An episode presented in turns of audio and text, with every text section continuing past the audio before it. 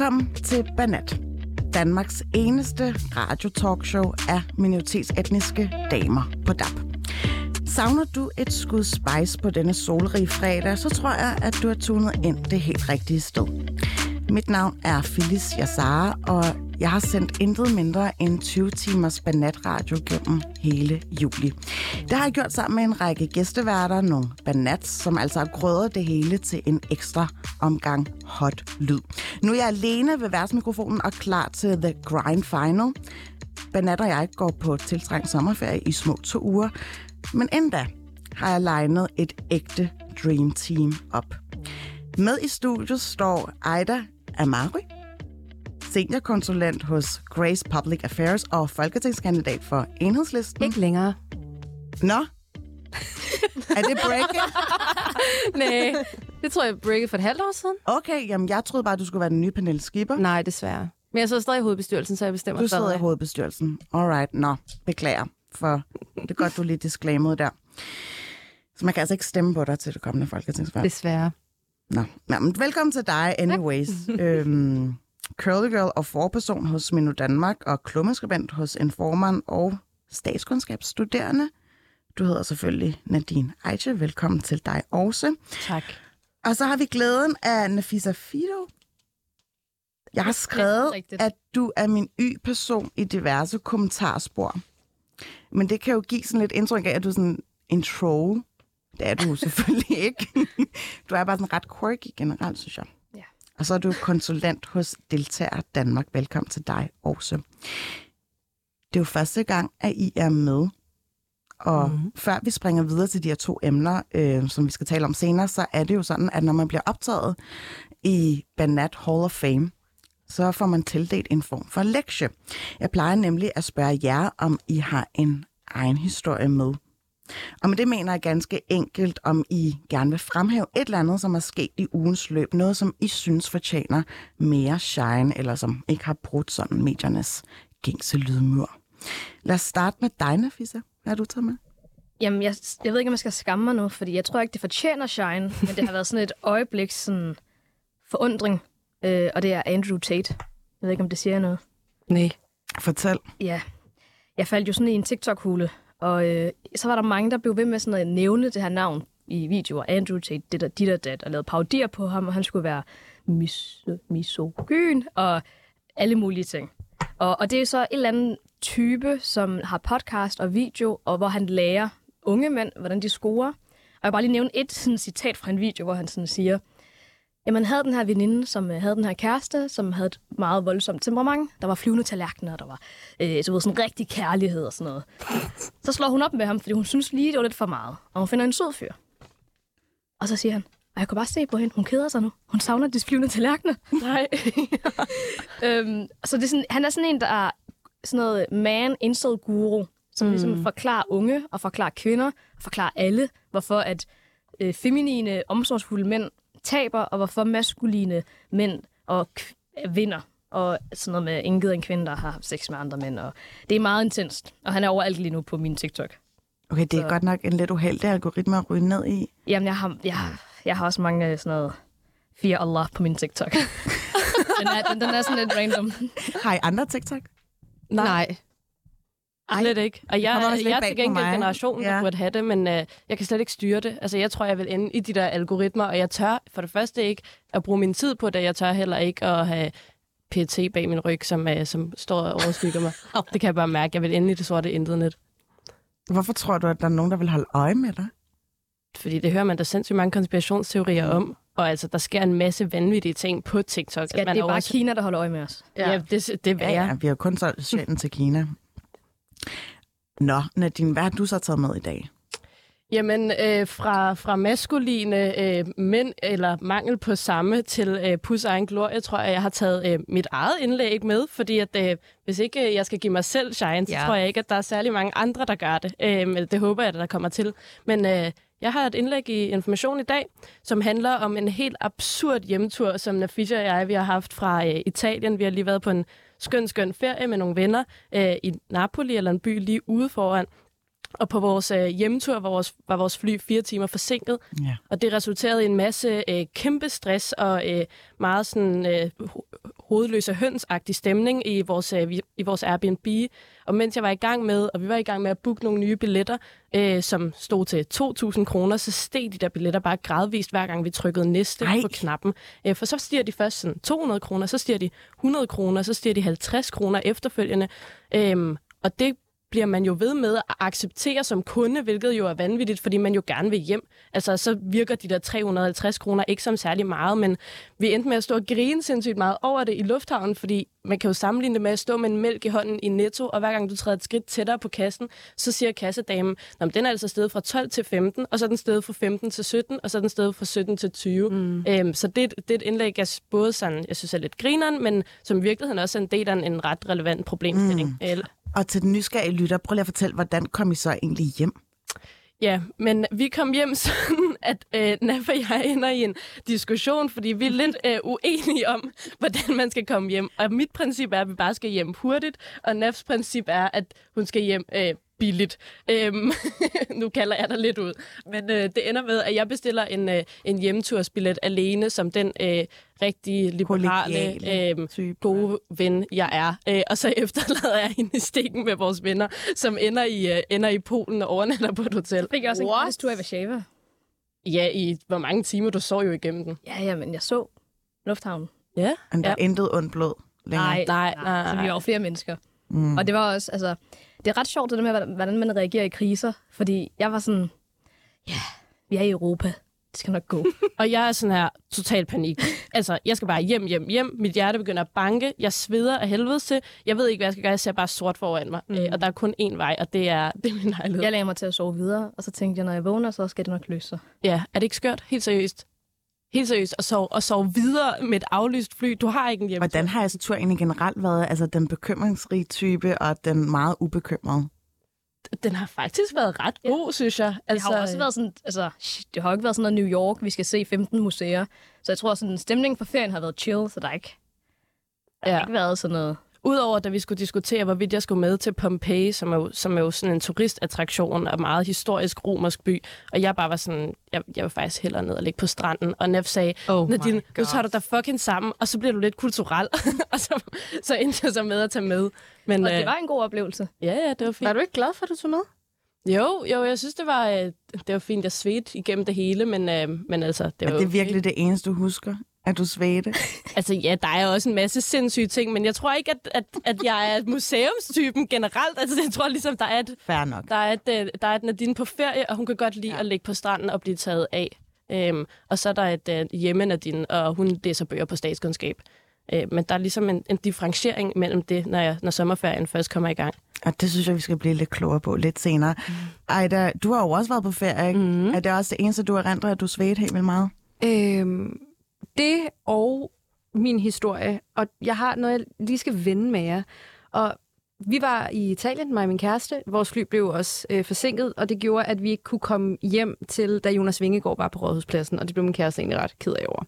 Er Men han jeg- okay nu? Han er okay nu. Han så det i flyet. Øh, vi skulle så flyve over Oslo. Det var frygteligt, og jeg smed tantrum på flyet, og fik flyskræk og alt muligt. Men det er godt, at vi kom hjem, og vi er stadig kærester og har det godt.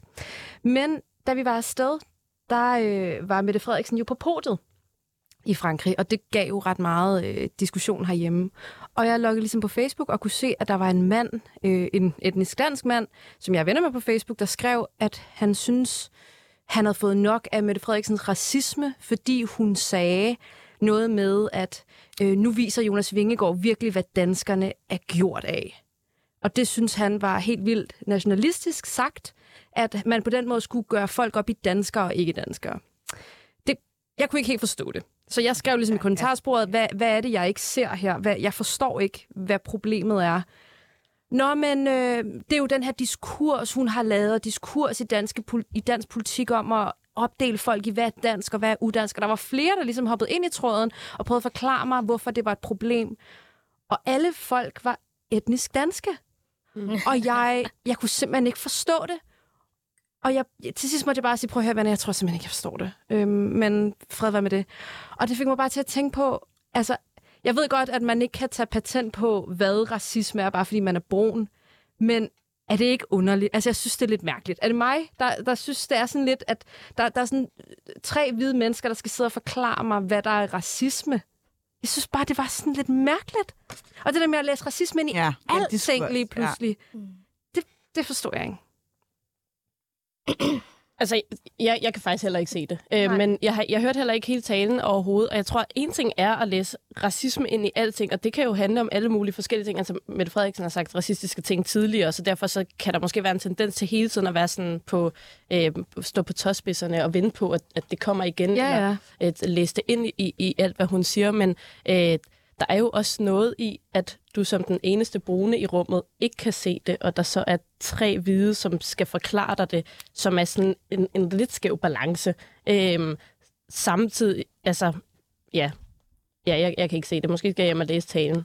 Ja, ja. Det var jo bare til TV2. Men skulle du så altså, blive mansplanet om racisme i kommentarer? Ja, det tror jeg faktisk, jeg blev, og jeg, jeg prøvede egentlig også at forklare dem. Jeg tror faktisk ikke, det er det, hun mener. Jeg tror bare, hun er glad, og øh, Danmark har vundet, og man må da gerne være glad og stolt af at være dansker, og Cecilie Utrup har jo også vundet i Tour de France for kvinder og så videre, så jeg forstår egentlig ikke, hvad det er, og de blev ligesom ved med at prøve, og det, det er bare lidt mærkeligt, når der er nogen, der skal sige til dig, nu skal jeg forklare dig, hvad dit potentielle problem kan være. Mm. Fordi de, de kan jo ikke blive udsat for det, men det kan jeg, og nu skal de sidde og fortælle.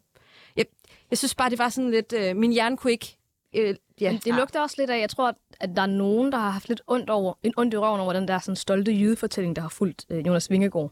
Fordi hvis EM-herrene havde vundet EM i det der fodbold dengang, Altså sådan, det er jo, så, så snakker man jo også om danskhed. Altså, vi, mm. vi, vi, vi står og råber på rådhuspladsen, og vi Ja, ja, er røde, og vi er hvide, og vi er danskere. Jeg tror, der er noget med cykelsport, og noget med den her sådan, fanden er han fra? Ty, Tisted, Ty? Ty.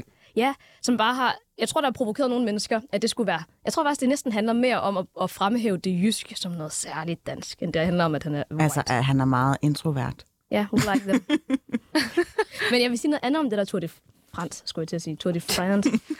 Som den jyde, du er, så siger du på det fra, det det frans. Please kald det det et kommentarspor. Et kommentarspor. Nej, det er fordi, jeg kom til at tænke på sådan, jeg gik og snakkede med min mand om den der sport og sådan noget, og så siger jeg sådan, jeg forstår ikke helt, for jeg så i nyhederne, han har han, skulle sige løb, han cyklede jo for et belgisk hold. Mm. Så siger jeg sådan, er det ham, der har Nej, vundet hollandsk hold, ikke? something? Hollandsk hold, ja. Ja. Er det ham, der har vundet, eller er det hans hold, der har vundet? Mm. Og så var "Men det var hans hold.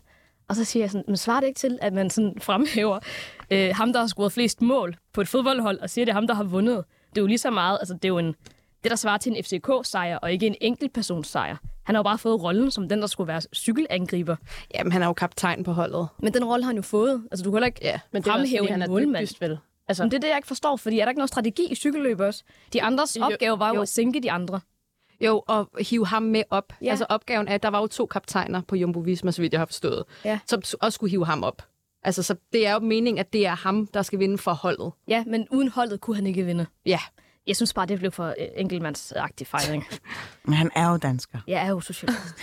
Jeg havde faktisk øh, nogle banat med ind i går, og øh, der fremhævede hende, jeg sendte med, hun hedder Sara al Nasser, hun var sådan, jamen, så kiggede jeg på det der øh, fejring af Jonas Vingård, og jeg lagde mærke til, at der var slet ikke nogen perker, eller undskyld mig, der var slet ikke nogen brune mennesker iblandt, så var jeg sådan, ah, det må der jo nok have været, der stod jo for helvede hvad, 100.000.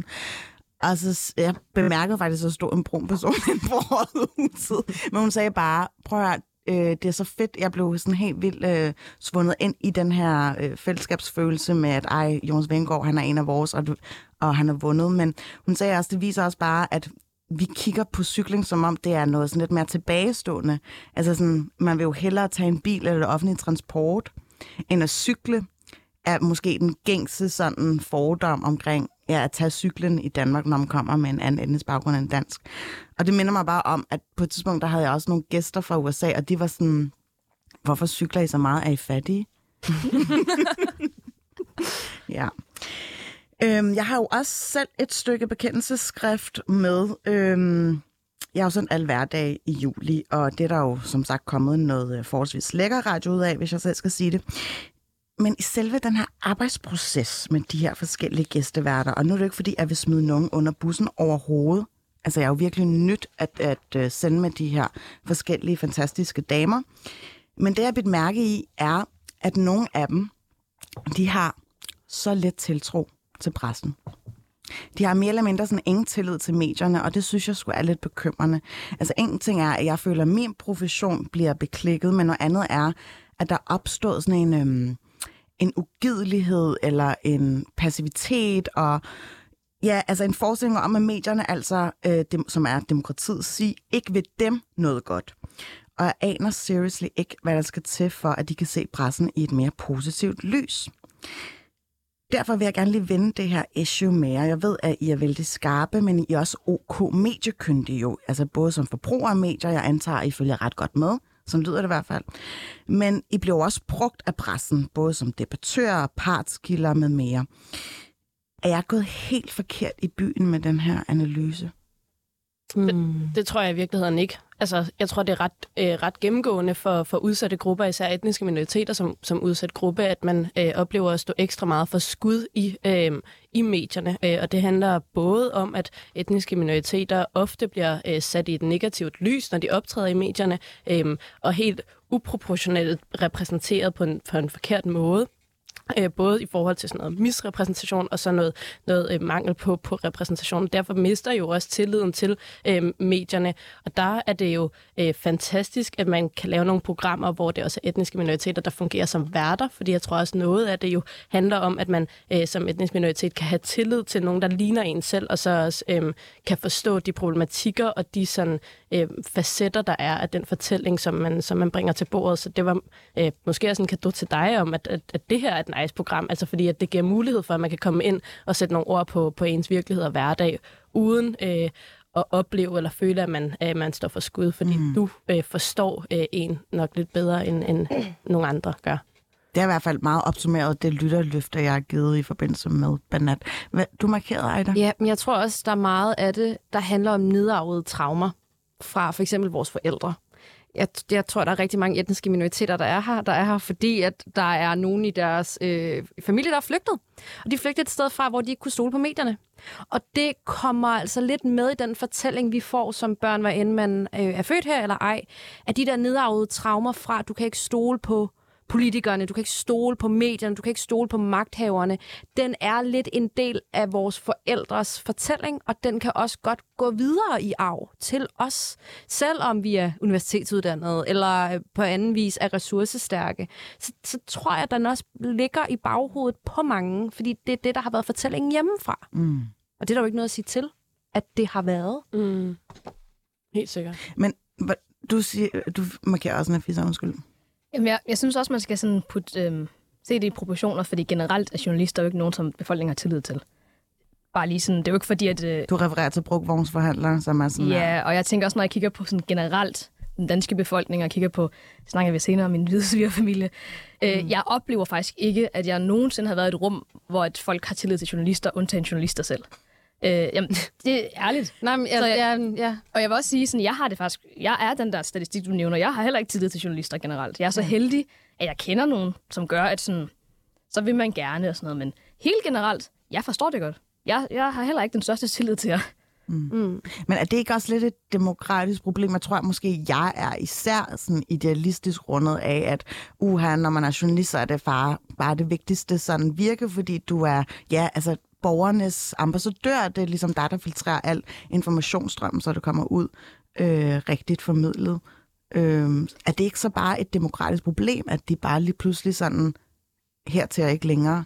Jo, men jeg har også lyst til at sige, at man måske skal se indad som journaliststand, fordi jeg, af de journalistbekendtskaber og venner, jeg har, jeg har aldrig oplevet en gruppe tale så dårligt om deres kollegaer som journalister. Altså sådan, der, der er et eller andet i jeres felt, I'm so sorry, mm. hvor der er noget, der er sådan, der er et eller andet, som avler en kultur, internt og eksternt, som gør, at man bare ikke sådan har den største tillid til jer. Mm. Og jeg har sådan også selv oplevet, apropos at være kilde og blive brugt til ting, jeg har også oplevet nogle gange at have, have, have lavet et eller andet skriftligt eller mundtligt med journalister, hvor jeg efterfølgende bare har tænkt, du har jo bare haft behov for at finde et eller andet ekstremt ud af mig. Fordi jeg kan ikke genkende mig selv i det, vi lige har talt om. Mm. Og det gør at jeg efterfølgende har tænkt, jeg snakker kun med mennesker, jeg kender, eller får anbefalet af nogen. Mm. Altså, jeg er sådan virkelig blevet lukket over for det med at øh, møde en random journalist til et, til et, øh, til, øh, et øh, program. Hvis jeg må nævne en anekdote, jeg skulle gå engang være sådan en kilde til Jodel, øh, dengang at alle var kede af, at øh, de blev nævnt i Jodel og sådan noget. Og så snakkede jeg så om, det var en, en af mine gamle venner, som øh, var tilrettelægger på programmet. Vi har en samtale i en time. Vinklen er rigtig fin. Det handler om, at jeg bare skal fortælle, at i 2015, jeg startede på uni, så blev Jodel lanceret. Og hvordan vi brugte det dengang. Intet af det handler om, at jeg er et eller andet, der bruger Jodel til at snakke dårligt om folk. Så, så kommer jeg ind i det rum med journalisten på et øh, program på, i Jylland. Mm-hmm. Øh, ikke navngivet endnu. Men, øh, og så begynder hun at sige sådan, synes du det er okay, at man skal snakke om, hvem Birte Kjær har haft sex med? Og så siger jeg til hende, nej. Jamen, hvorfor er det så, du forsvarer Jodel? Så jeg var sådan lidt, jeg, jeg er ikke...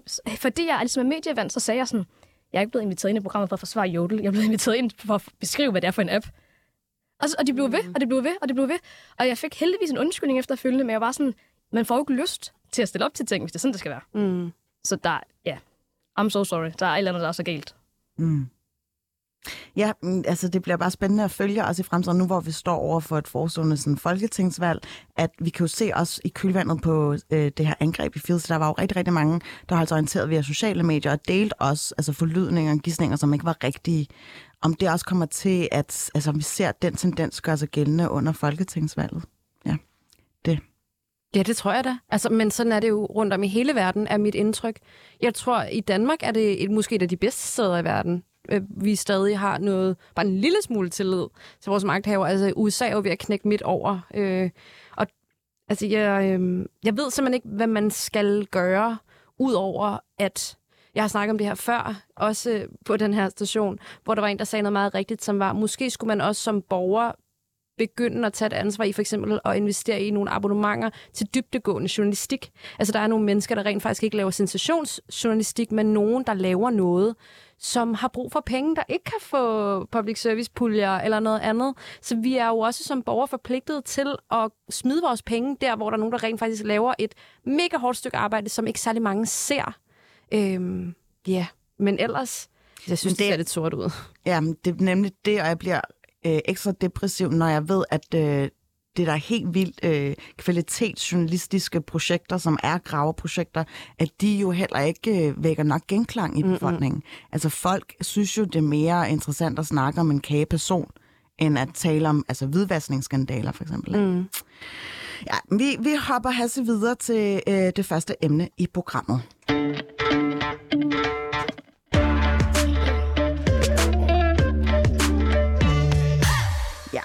I disse dage er medierne jo fyldt op med historier om de her vanvittige gennemsnitskvotienter populære uddannelser, og også de her personnære fortællinger om unge, der trods baggrunden i uddannelsesfremmede hjem, har fået en plads på drømmestudiet.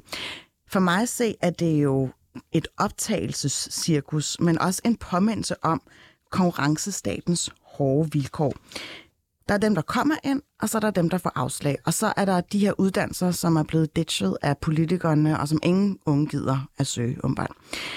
Men noget, som vi misser i den her forudsigelige dækning, er selve gennemførelsesteknikken bag, altså kunsten at kunne fuldføre en uddannelse.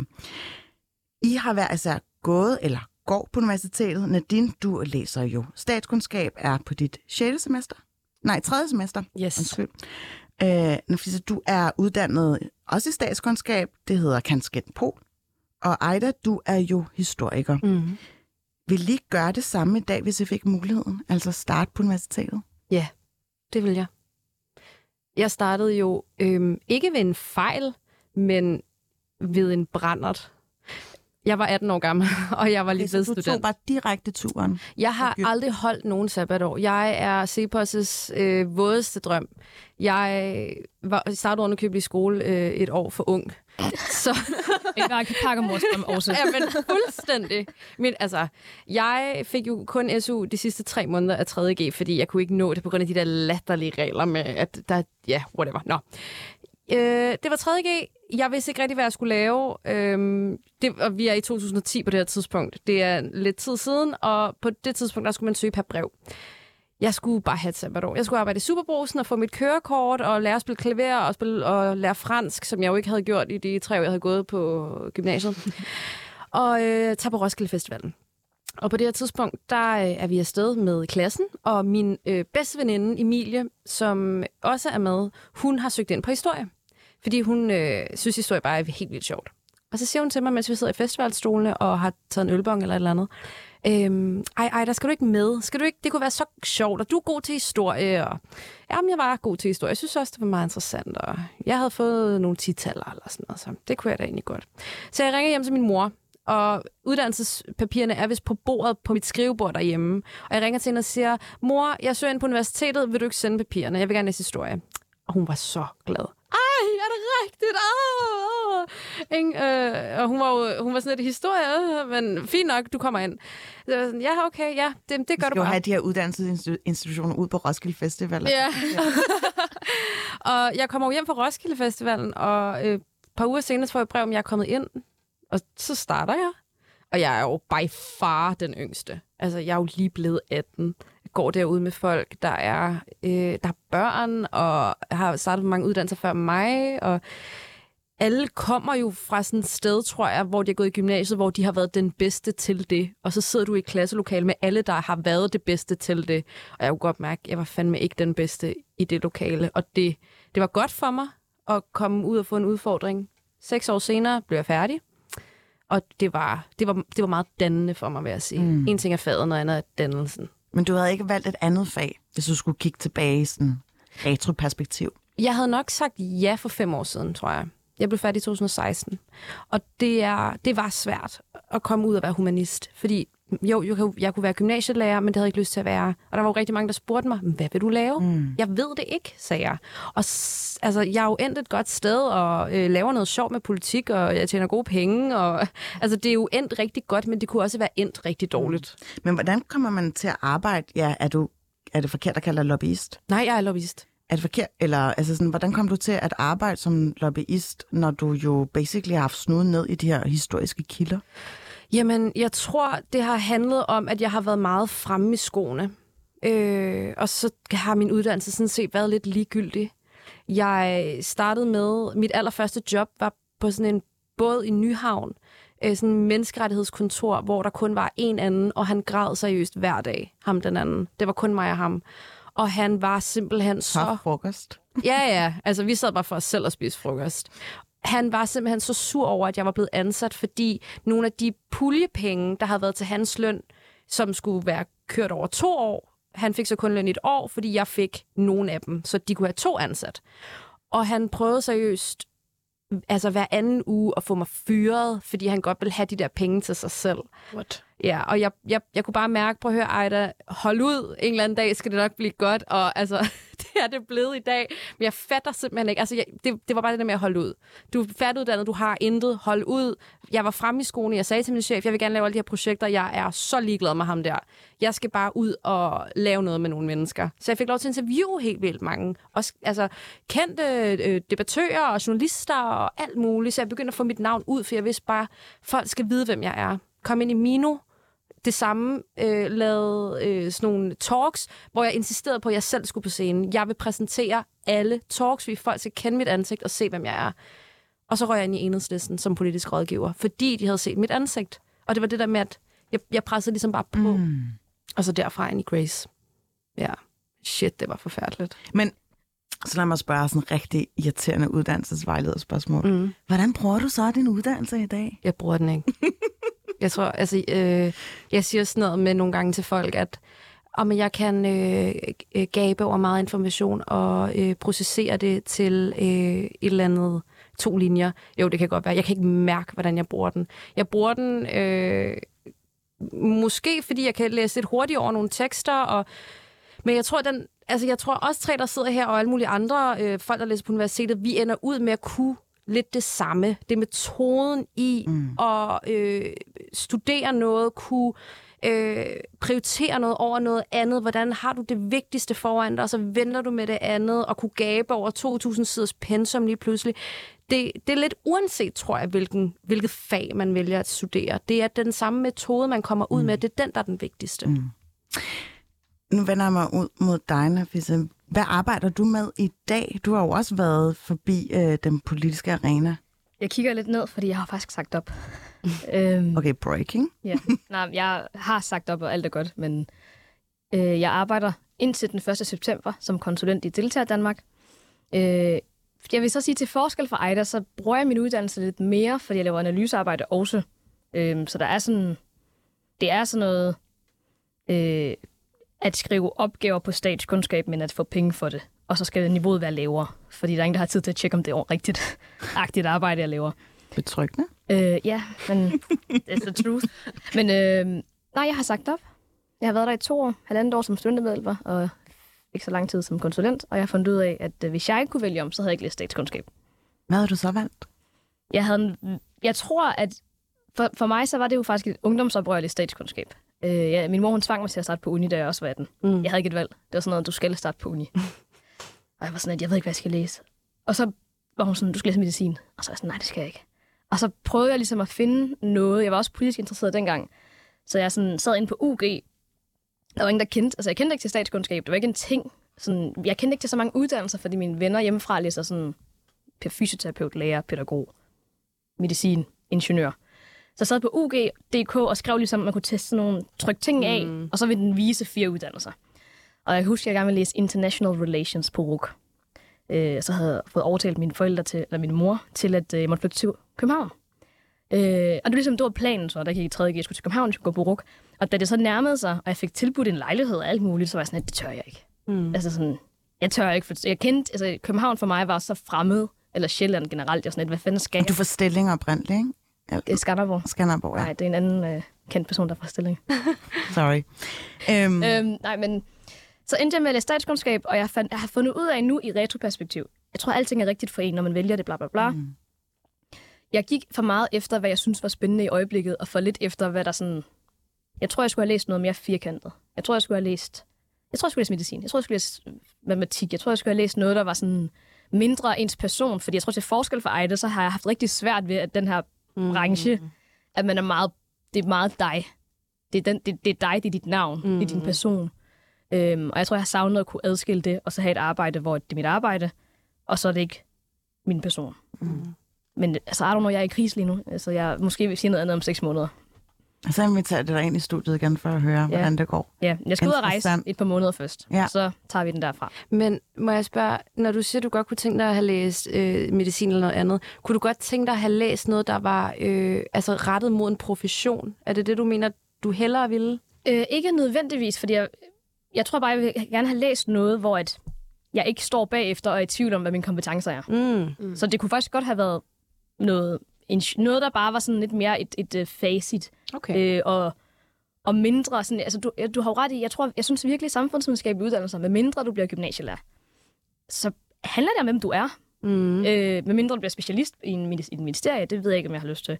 Men det handler meget om din person, og det tror jeg bare har, er kommet bag på mig, at det er sådan ret intenst. Ja. Mm. Øhm, ja, men I don't know, I'm a woman in a crisis. Måske siger jeg noget andet om et halvt år.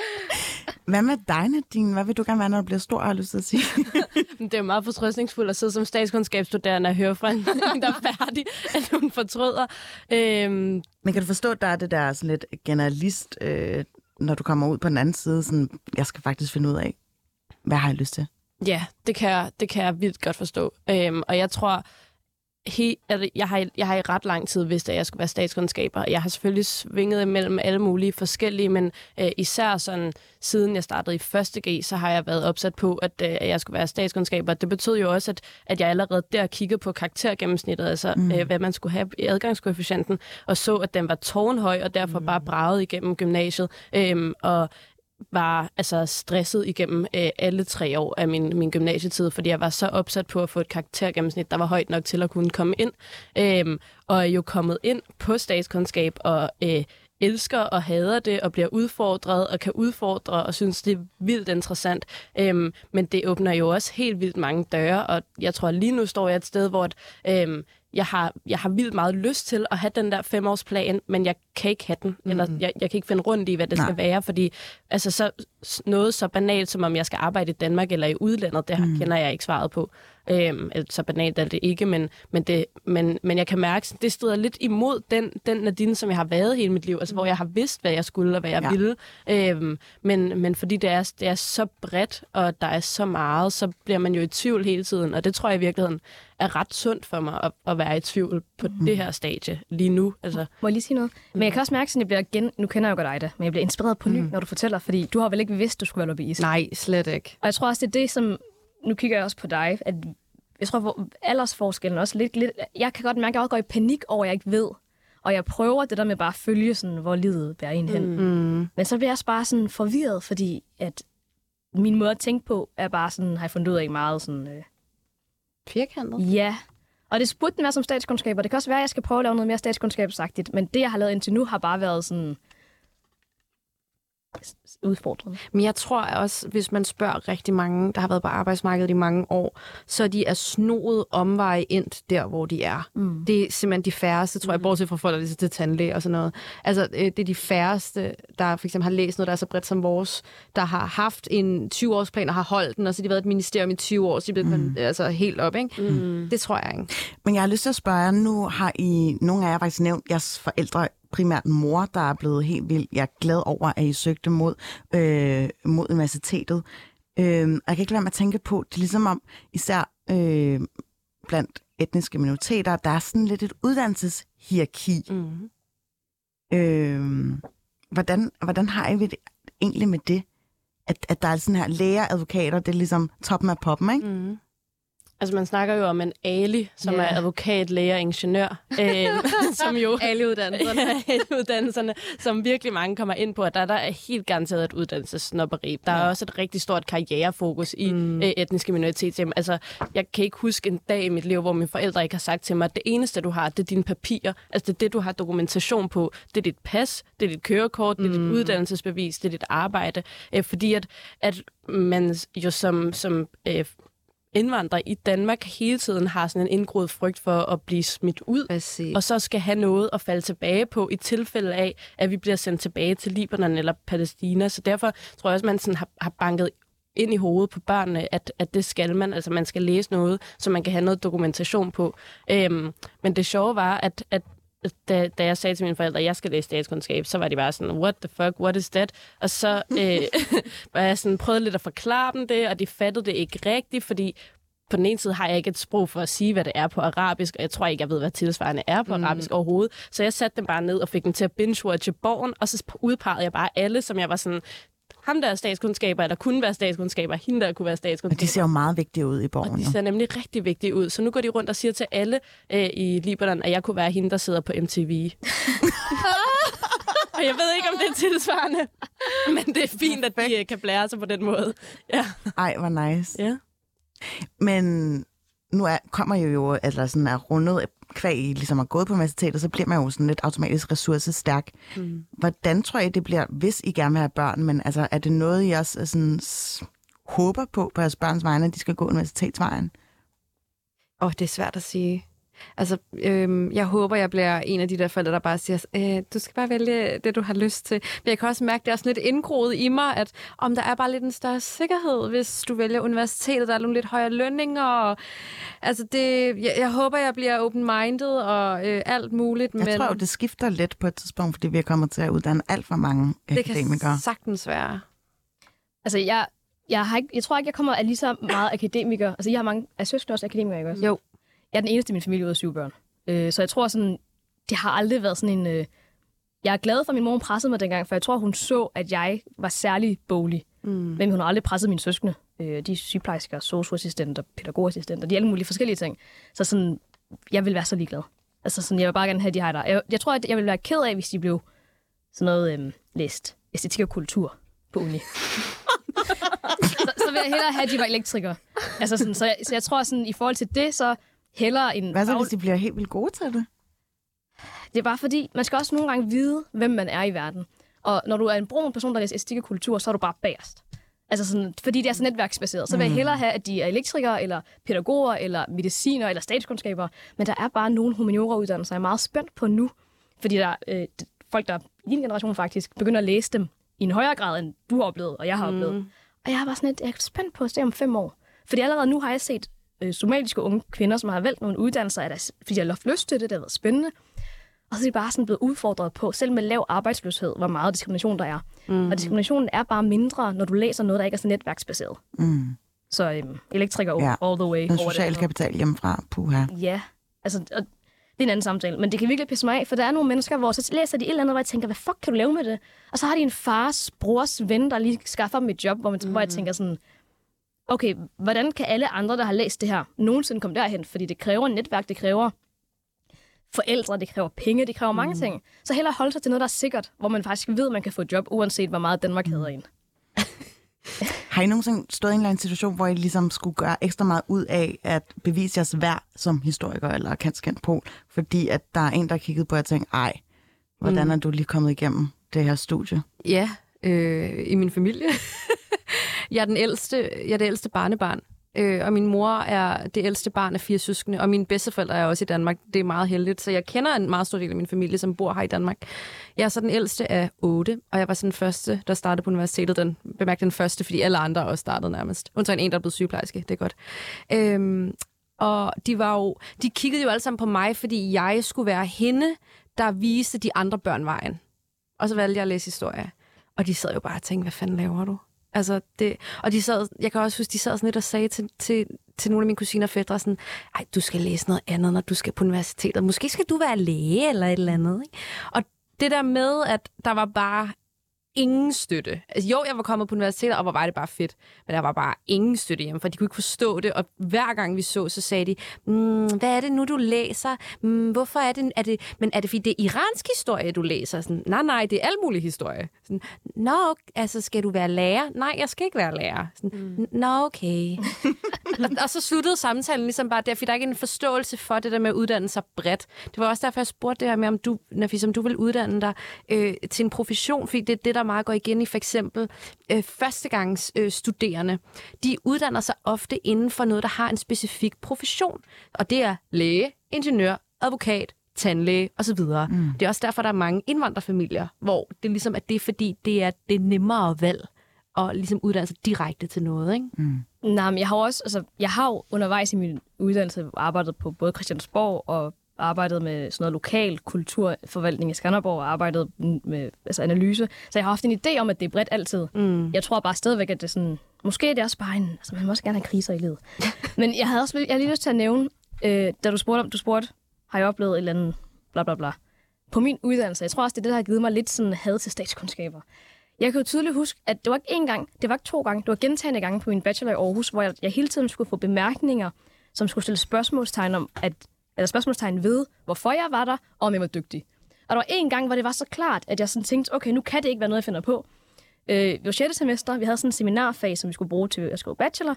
Jeg viber godt med vores professor, fordi at han forsker i social tillid, og det siger mig sindssygt meget. Så du ved, typen, der sidder forrest, og typen, der stiller spørgsmål, og typen, der bare sådan, jeg viber også bare godt med gamle hvide mænd. I don't know why. Og så er der bare en, sådan, øh, der er sådan noget seks år ældre end mig, der kommer hen og siger sådan, ja, nu skal Gert jo også til sig af den eneste tørklæde pige på skolen. Sådan noget der. Damn. Altså sådan straight up in my face. Og så var jeg sådan, hvad? Og så var jeg sådan, ja, fordi I laver jo ikke andet end at snakke sammen, men det er jo fordi, du er den der, du er den brune pige på skolen. Mm. Og jeg var sådan, og jeg kiggede rundt, og alle hørte, og ingen siger noget. Jeg kunne bare mærke sådan, Der var ikke nogen, der sagde noget. nej, fordi det er Aarhus 2017. Altså, woke findes ikke. jeg tror jeg ikke, det gør endnu. Men Okay. Fuck, hvor vanvittigt. Ja. Ja. Nå, altså jeg ved ikke, øh, om der er nogen, der kan toppe det der, så øh, jeg tænker, vi går videre til, øh, til det andet og sidste emne.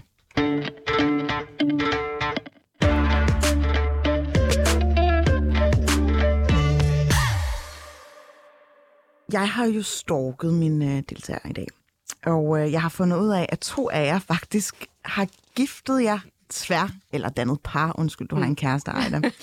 øh, jeg ved ikke, om der er noget galt med hans knæ, men øh, I har jo dannet par tværkulturelt, altså øh, sammen med en, som ikke umiddelbart ligner jer. Øh, hvem har lyst til at bekende kulør her? Det er jo Ejda og Nafisa. Ja. Øhm, helt åbent. Øh, hvilke kulturelle barriere opstår der egentlig, når man bliver forelsket i en, der kommer med ja, majoritetskultur, når man selv er en minoriseret person? Jeg tror, for mit vedkommende har det været meget det psykiske. Jeg tror, der er en meget særlig måde at elske på, når man kommer fra en familie, der er øh, fra øh, Mellemøsten eller Nordafrika eller whatever. Altså, det er meget intenst, og det er meget ride or die, og man har hinandens ryg, og man er der uanset hvad. Og, og, og den tror jeg ikke rigtigt. Den, den findes ikke sådan helt... Jo, den findes måske på Vestegnen i Danmark, men den, den, er, den har ikke været så meget blandt, jeg vil sige, de mænd, jeg har været kærester med. Og det er noget, man ligesom har skulle lære dem, at nu, altså, ride or die, begge to, ikke? Altså, hvis, det er det, vi gør. Altså, Nadine, vil du ikke lige citere det der fra Gates' bog? Jeg synes, det er så flot. Jo, jo, jeg har lige læst uh, Gita Miris nye bog, Mosaik, som er virkelig fantastisk, og der skriver hun på et tidspunkt, at øhm, hun dater på dansk, men elsker på afghansk. Mm. Det kunne jeg bare genkende Ja. vildt meget. Altså det der med, at man har sådan en meget sådan... Øh, øhm, udad, udad Ja. til sådan ekspansiv, hedder det eksplosiv? Jeg ved ikke, hvad det Udtryksfuld, ikke? udtryksfuld mm. kærlighedsmåde. Øh, måde. også, altså, også når man siger det, også i det talte sprog. Ikke? Sådan Ja. noget, jeg vil rive mit hjerte ud og servere det for dig på et tilfælde. altså, som jo bare helt fucked. Eller sådan. Men, mm. men det siger man, fordi det der billedlige i det er øh, en, en anden måde, end man møder i, i majoritetskultur. Og bare på dansk, som jo er meget mere sådan koldt og kontant. Mm. Øh, Du er sgu ok, Nadine. ja. Du ser Jeg tror godt, jeg kan lide dig. Jeg, øh, min mand, han er dansk-israelsk. Så jeg tror sådan, at det, at han alligevel har en far fra Mellemøsten, Ja. har gjort, at jeg føler, at vi har det samme kærlighedssprog. Og de kultur, sådan clashes, vi har haft, har mest handlet om sådan, familie og forventninger sådan, til, hvordan man er sammen med sin familie. Mm. Øh, og det er sådan, ja, det er meget... Øh, jeg vil sige en ting. Jeg så sådan, jeg tror, det var Queen's Lounge. Et eller andet sted. Eller måske var det hende der Michelle Duta, der skrev om sådan noget svigerfamilie. Og så var der en, der skrev, jamen det er derfor, man skal finde en hvid svigerfamilie. Det er så meget nemmere. Og jeg bare tænkte, girl, you're lying to yourself. Do not fall into that trap. altså, sådan, jeg vil bare lige starte med at forsvare vores brune svigerfam- altså forældre, fordi hvis der er én ting, som Perker kan, så er det, at i det sekund, man får gæster, og uanset om man har været gift i 20 eller 30 år, så vil din udkårende altid være en gæst. Mm. Så opfører man sig ordentligt. Ja. Tell me why jeg har siddet hos min svigerfamilie, der har full-blown diskussioner foran mig. altså sådan, Altså, hvad har I diskussioner om? bare sådan noget familie noget. Det er ikke store ting, men det er Nej. bare sådan, det vil aldrig ske i mit hjem, fordi Nej. man siger... Altså, jeg har jo, Bon har også været hjemme hos mig, hvor han har set, at vi har side-ejet hinanden i min familie, sådan, Ja. for der lige er sket noget hurtigt. Ja, ja. Og så, så på et tidspunkt, så min mor og min søster gået ind i et rum. Så siger han sådan, de har godt nok været derinde længe. Og så siger jeg, det er fordi, de skændes. Men at least she's not doing it here. Mm. Fordi jeg har jo siddet hos hans familie, hvor der er el- du ved, sådan noget søskende ting, familieting, sådan nogle små ting, hvor de bare tager den foran mig. Og, og en, der spørger, hvad synes du, Nafisa? Så bliver du stillet der. Og sådan, så, øhm, ja, ja. Og så tager jeg jo altid alle andres parti end min mands, fordi altså sådan, skal jeg være hende der, ja, Ja. skal jeg være hende den sådan som hende der fra Bachelor, der forsvarer Pink Philip, hun har kendt i tre dage. Stjernesammenligning i øvrigt. Ja. ja. Nej, men altså hold ud, det er ikke så spændende at have hvide kærester. Bortset fra, at man elsker dem. Jeg mm. kender en fyr der, med kurdisk baggrund, og i længden så kunne han ikke affinde sig med, at ja, svigerforældrene havde den der øh, tiltagende modvilje faktisk. Øhm, og han lod sig skille fra hende, selvom de var meget, meget forelskede. Og det var også det der med, at han ikke rigtig kunne bære at se sin kone være i den der loyalitetskonflikt, fordi at øh, hun følte sig sådan her fanget mellem at skulle vælge mellem sin mand og sin familie. Han var kurder, og hun var... Hun var etnisk dansk. Mm. Okay. Øhm, og det får mig bare til at tænke på, sådan, er kærligheden altid værd at kæmpe for? Stort spørgsmål. Ja. Ja, det synes jeg. Men jeg synes heller ikke, at den er blevet kæmpet for i det eksempel, jo. altså sådan, jamen, altså, I'm so, men det må gerne være svært. Ja, ja. Så sent som i går, så øhm, det var meget, meget random, men der var et par, som også har et tværkulturelt, øh, jeg gider ikke til at nævne hvad specifikt, men mm. tværkulturelt, hvor den ene er hvid, og den anden er something else, mm. som øh, har skrevet til mig, og var sådan, havde brug for lige at snakke om, fordi det er svært. Mm. Og så, øh, og, det- hvor min mand kunne komme med, fordi det var hendes hvide mand, der havde brug for at se et, en, snakke med en hvid mand om, hvordan det er. Og da vi kommer ud derfra, så siger Bonne sådan, jeg har meget altså sådan, grundlæggende svært ved at forstå, at hvis han elsker en, hvorfor han så er så hesitant. Og, og, det er sådan, og, og det, apropos øh, det brune kærlighedssprog, han var jo sådan hele tiden fyldt med bekymringer for ting, hvor jeg sagde sådan, så sagde jeg til ham, men er dig og din kæreste ikke enige om, hvordan I vil leve jeres mm. liv? Sådan, mm. hvis I er enige, så er resten jo ligegyldigt. Ja. Ja. Ja, men det er bare så hårdt. Og så sagde han til ham på et tidspunkt, livet må også gerne være hårdt. Altså, mm. sådan, det, skal ikke, det behøver ikke være nemt. Sådan, det er hårdt. Sig til hinanden, det er hårdt, men... Men Altså- det er godt. Ja, Ja. og kærlighed... Altså, hvem- hvem har fundet på, at kærlighed skulle være nemt? Mm. Når, når jeg hører folk, som også er gået fra hinanden, fordi det var svært, så tænker jeg, oh, I'm sorry, I'm judgmental. Men nogle gange så tænker jeg, hvad er det specifikt, der var svært? Jamen, han ville gerne det her, jeg vil gerne det her. Men hvorfor kunne I ikke gøre begge ting? Mm. Altså, sådan, hvorfor... hvorfor ja. Jeg sukker.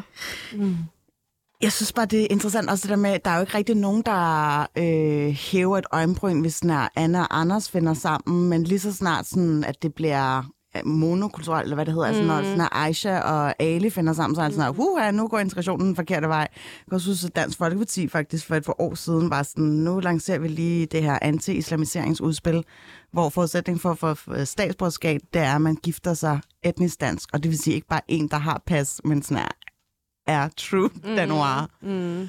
Øhm, for det til at, sådan at løbe koldt ned ad ryggen, at der er faktisk nogle politikere, der sådan at går op i, hvorvidt efterkommer eller altså, øh, gifter sig tværkulturelt. Jamen det der er jo altså, i virkeligheden selv samme politikere, som tror på teorien om den store udskiftning, som jo er sådan fuldstændig absurd øh, at gå og, øh, og bilde sig selv og hinanden ind, at på et eller andet tidspunkt i Europa, så vil alle være brune, fordi der bliver født brune børn, og det er bare vildt farligt for alle sammen, at, der, at øh, de brune øjne kommer til at optræde i det offentlige billede. Eller sådan, at for det første så er det en, en konspirationsteori, som ikke er bekræftet af nogen som helst, og så er det en teori, som jo bliver øh, adopteret af alle sådan nogle Reddit-krigere øh, på mm. det sorte internet, som jo øh, begår tager rundt omkring i verden. Må jeg lige sige noget? Jeg synes, det er så fedt, at du kalder Reddit det sorte internet.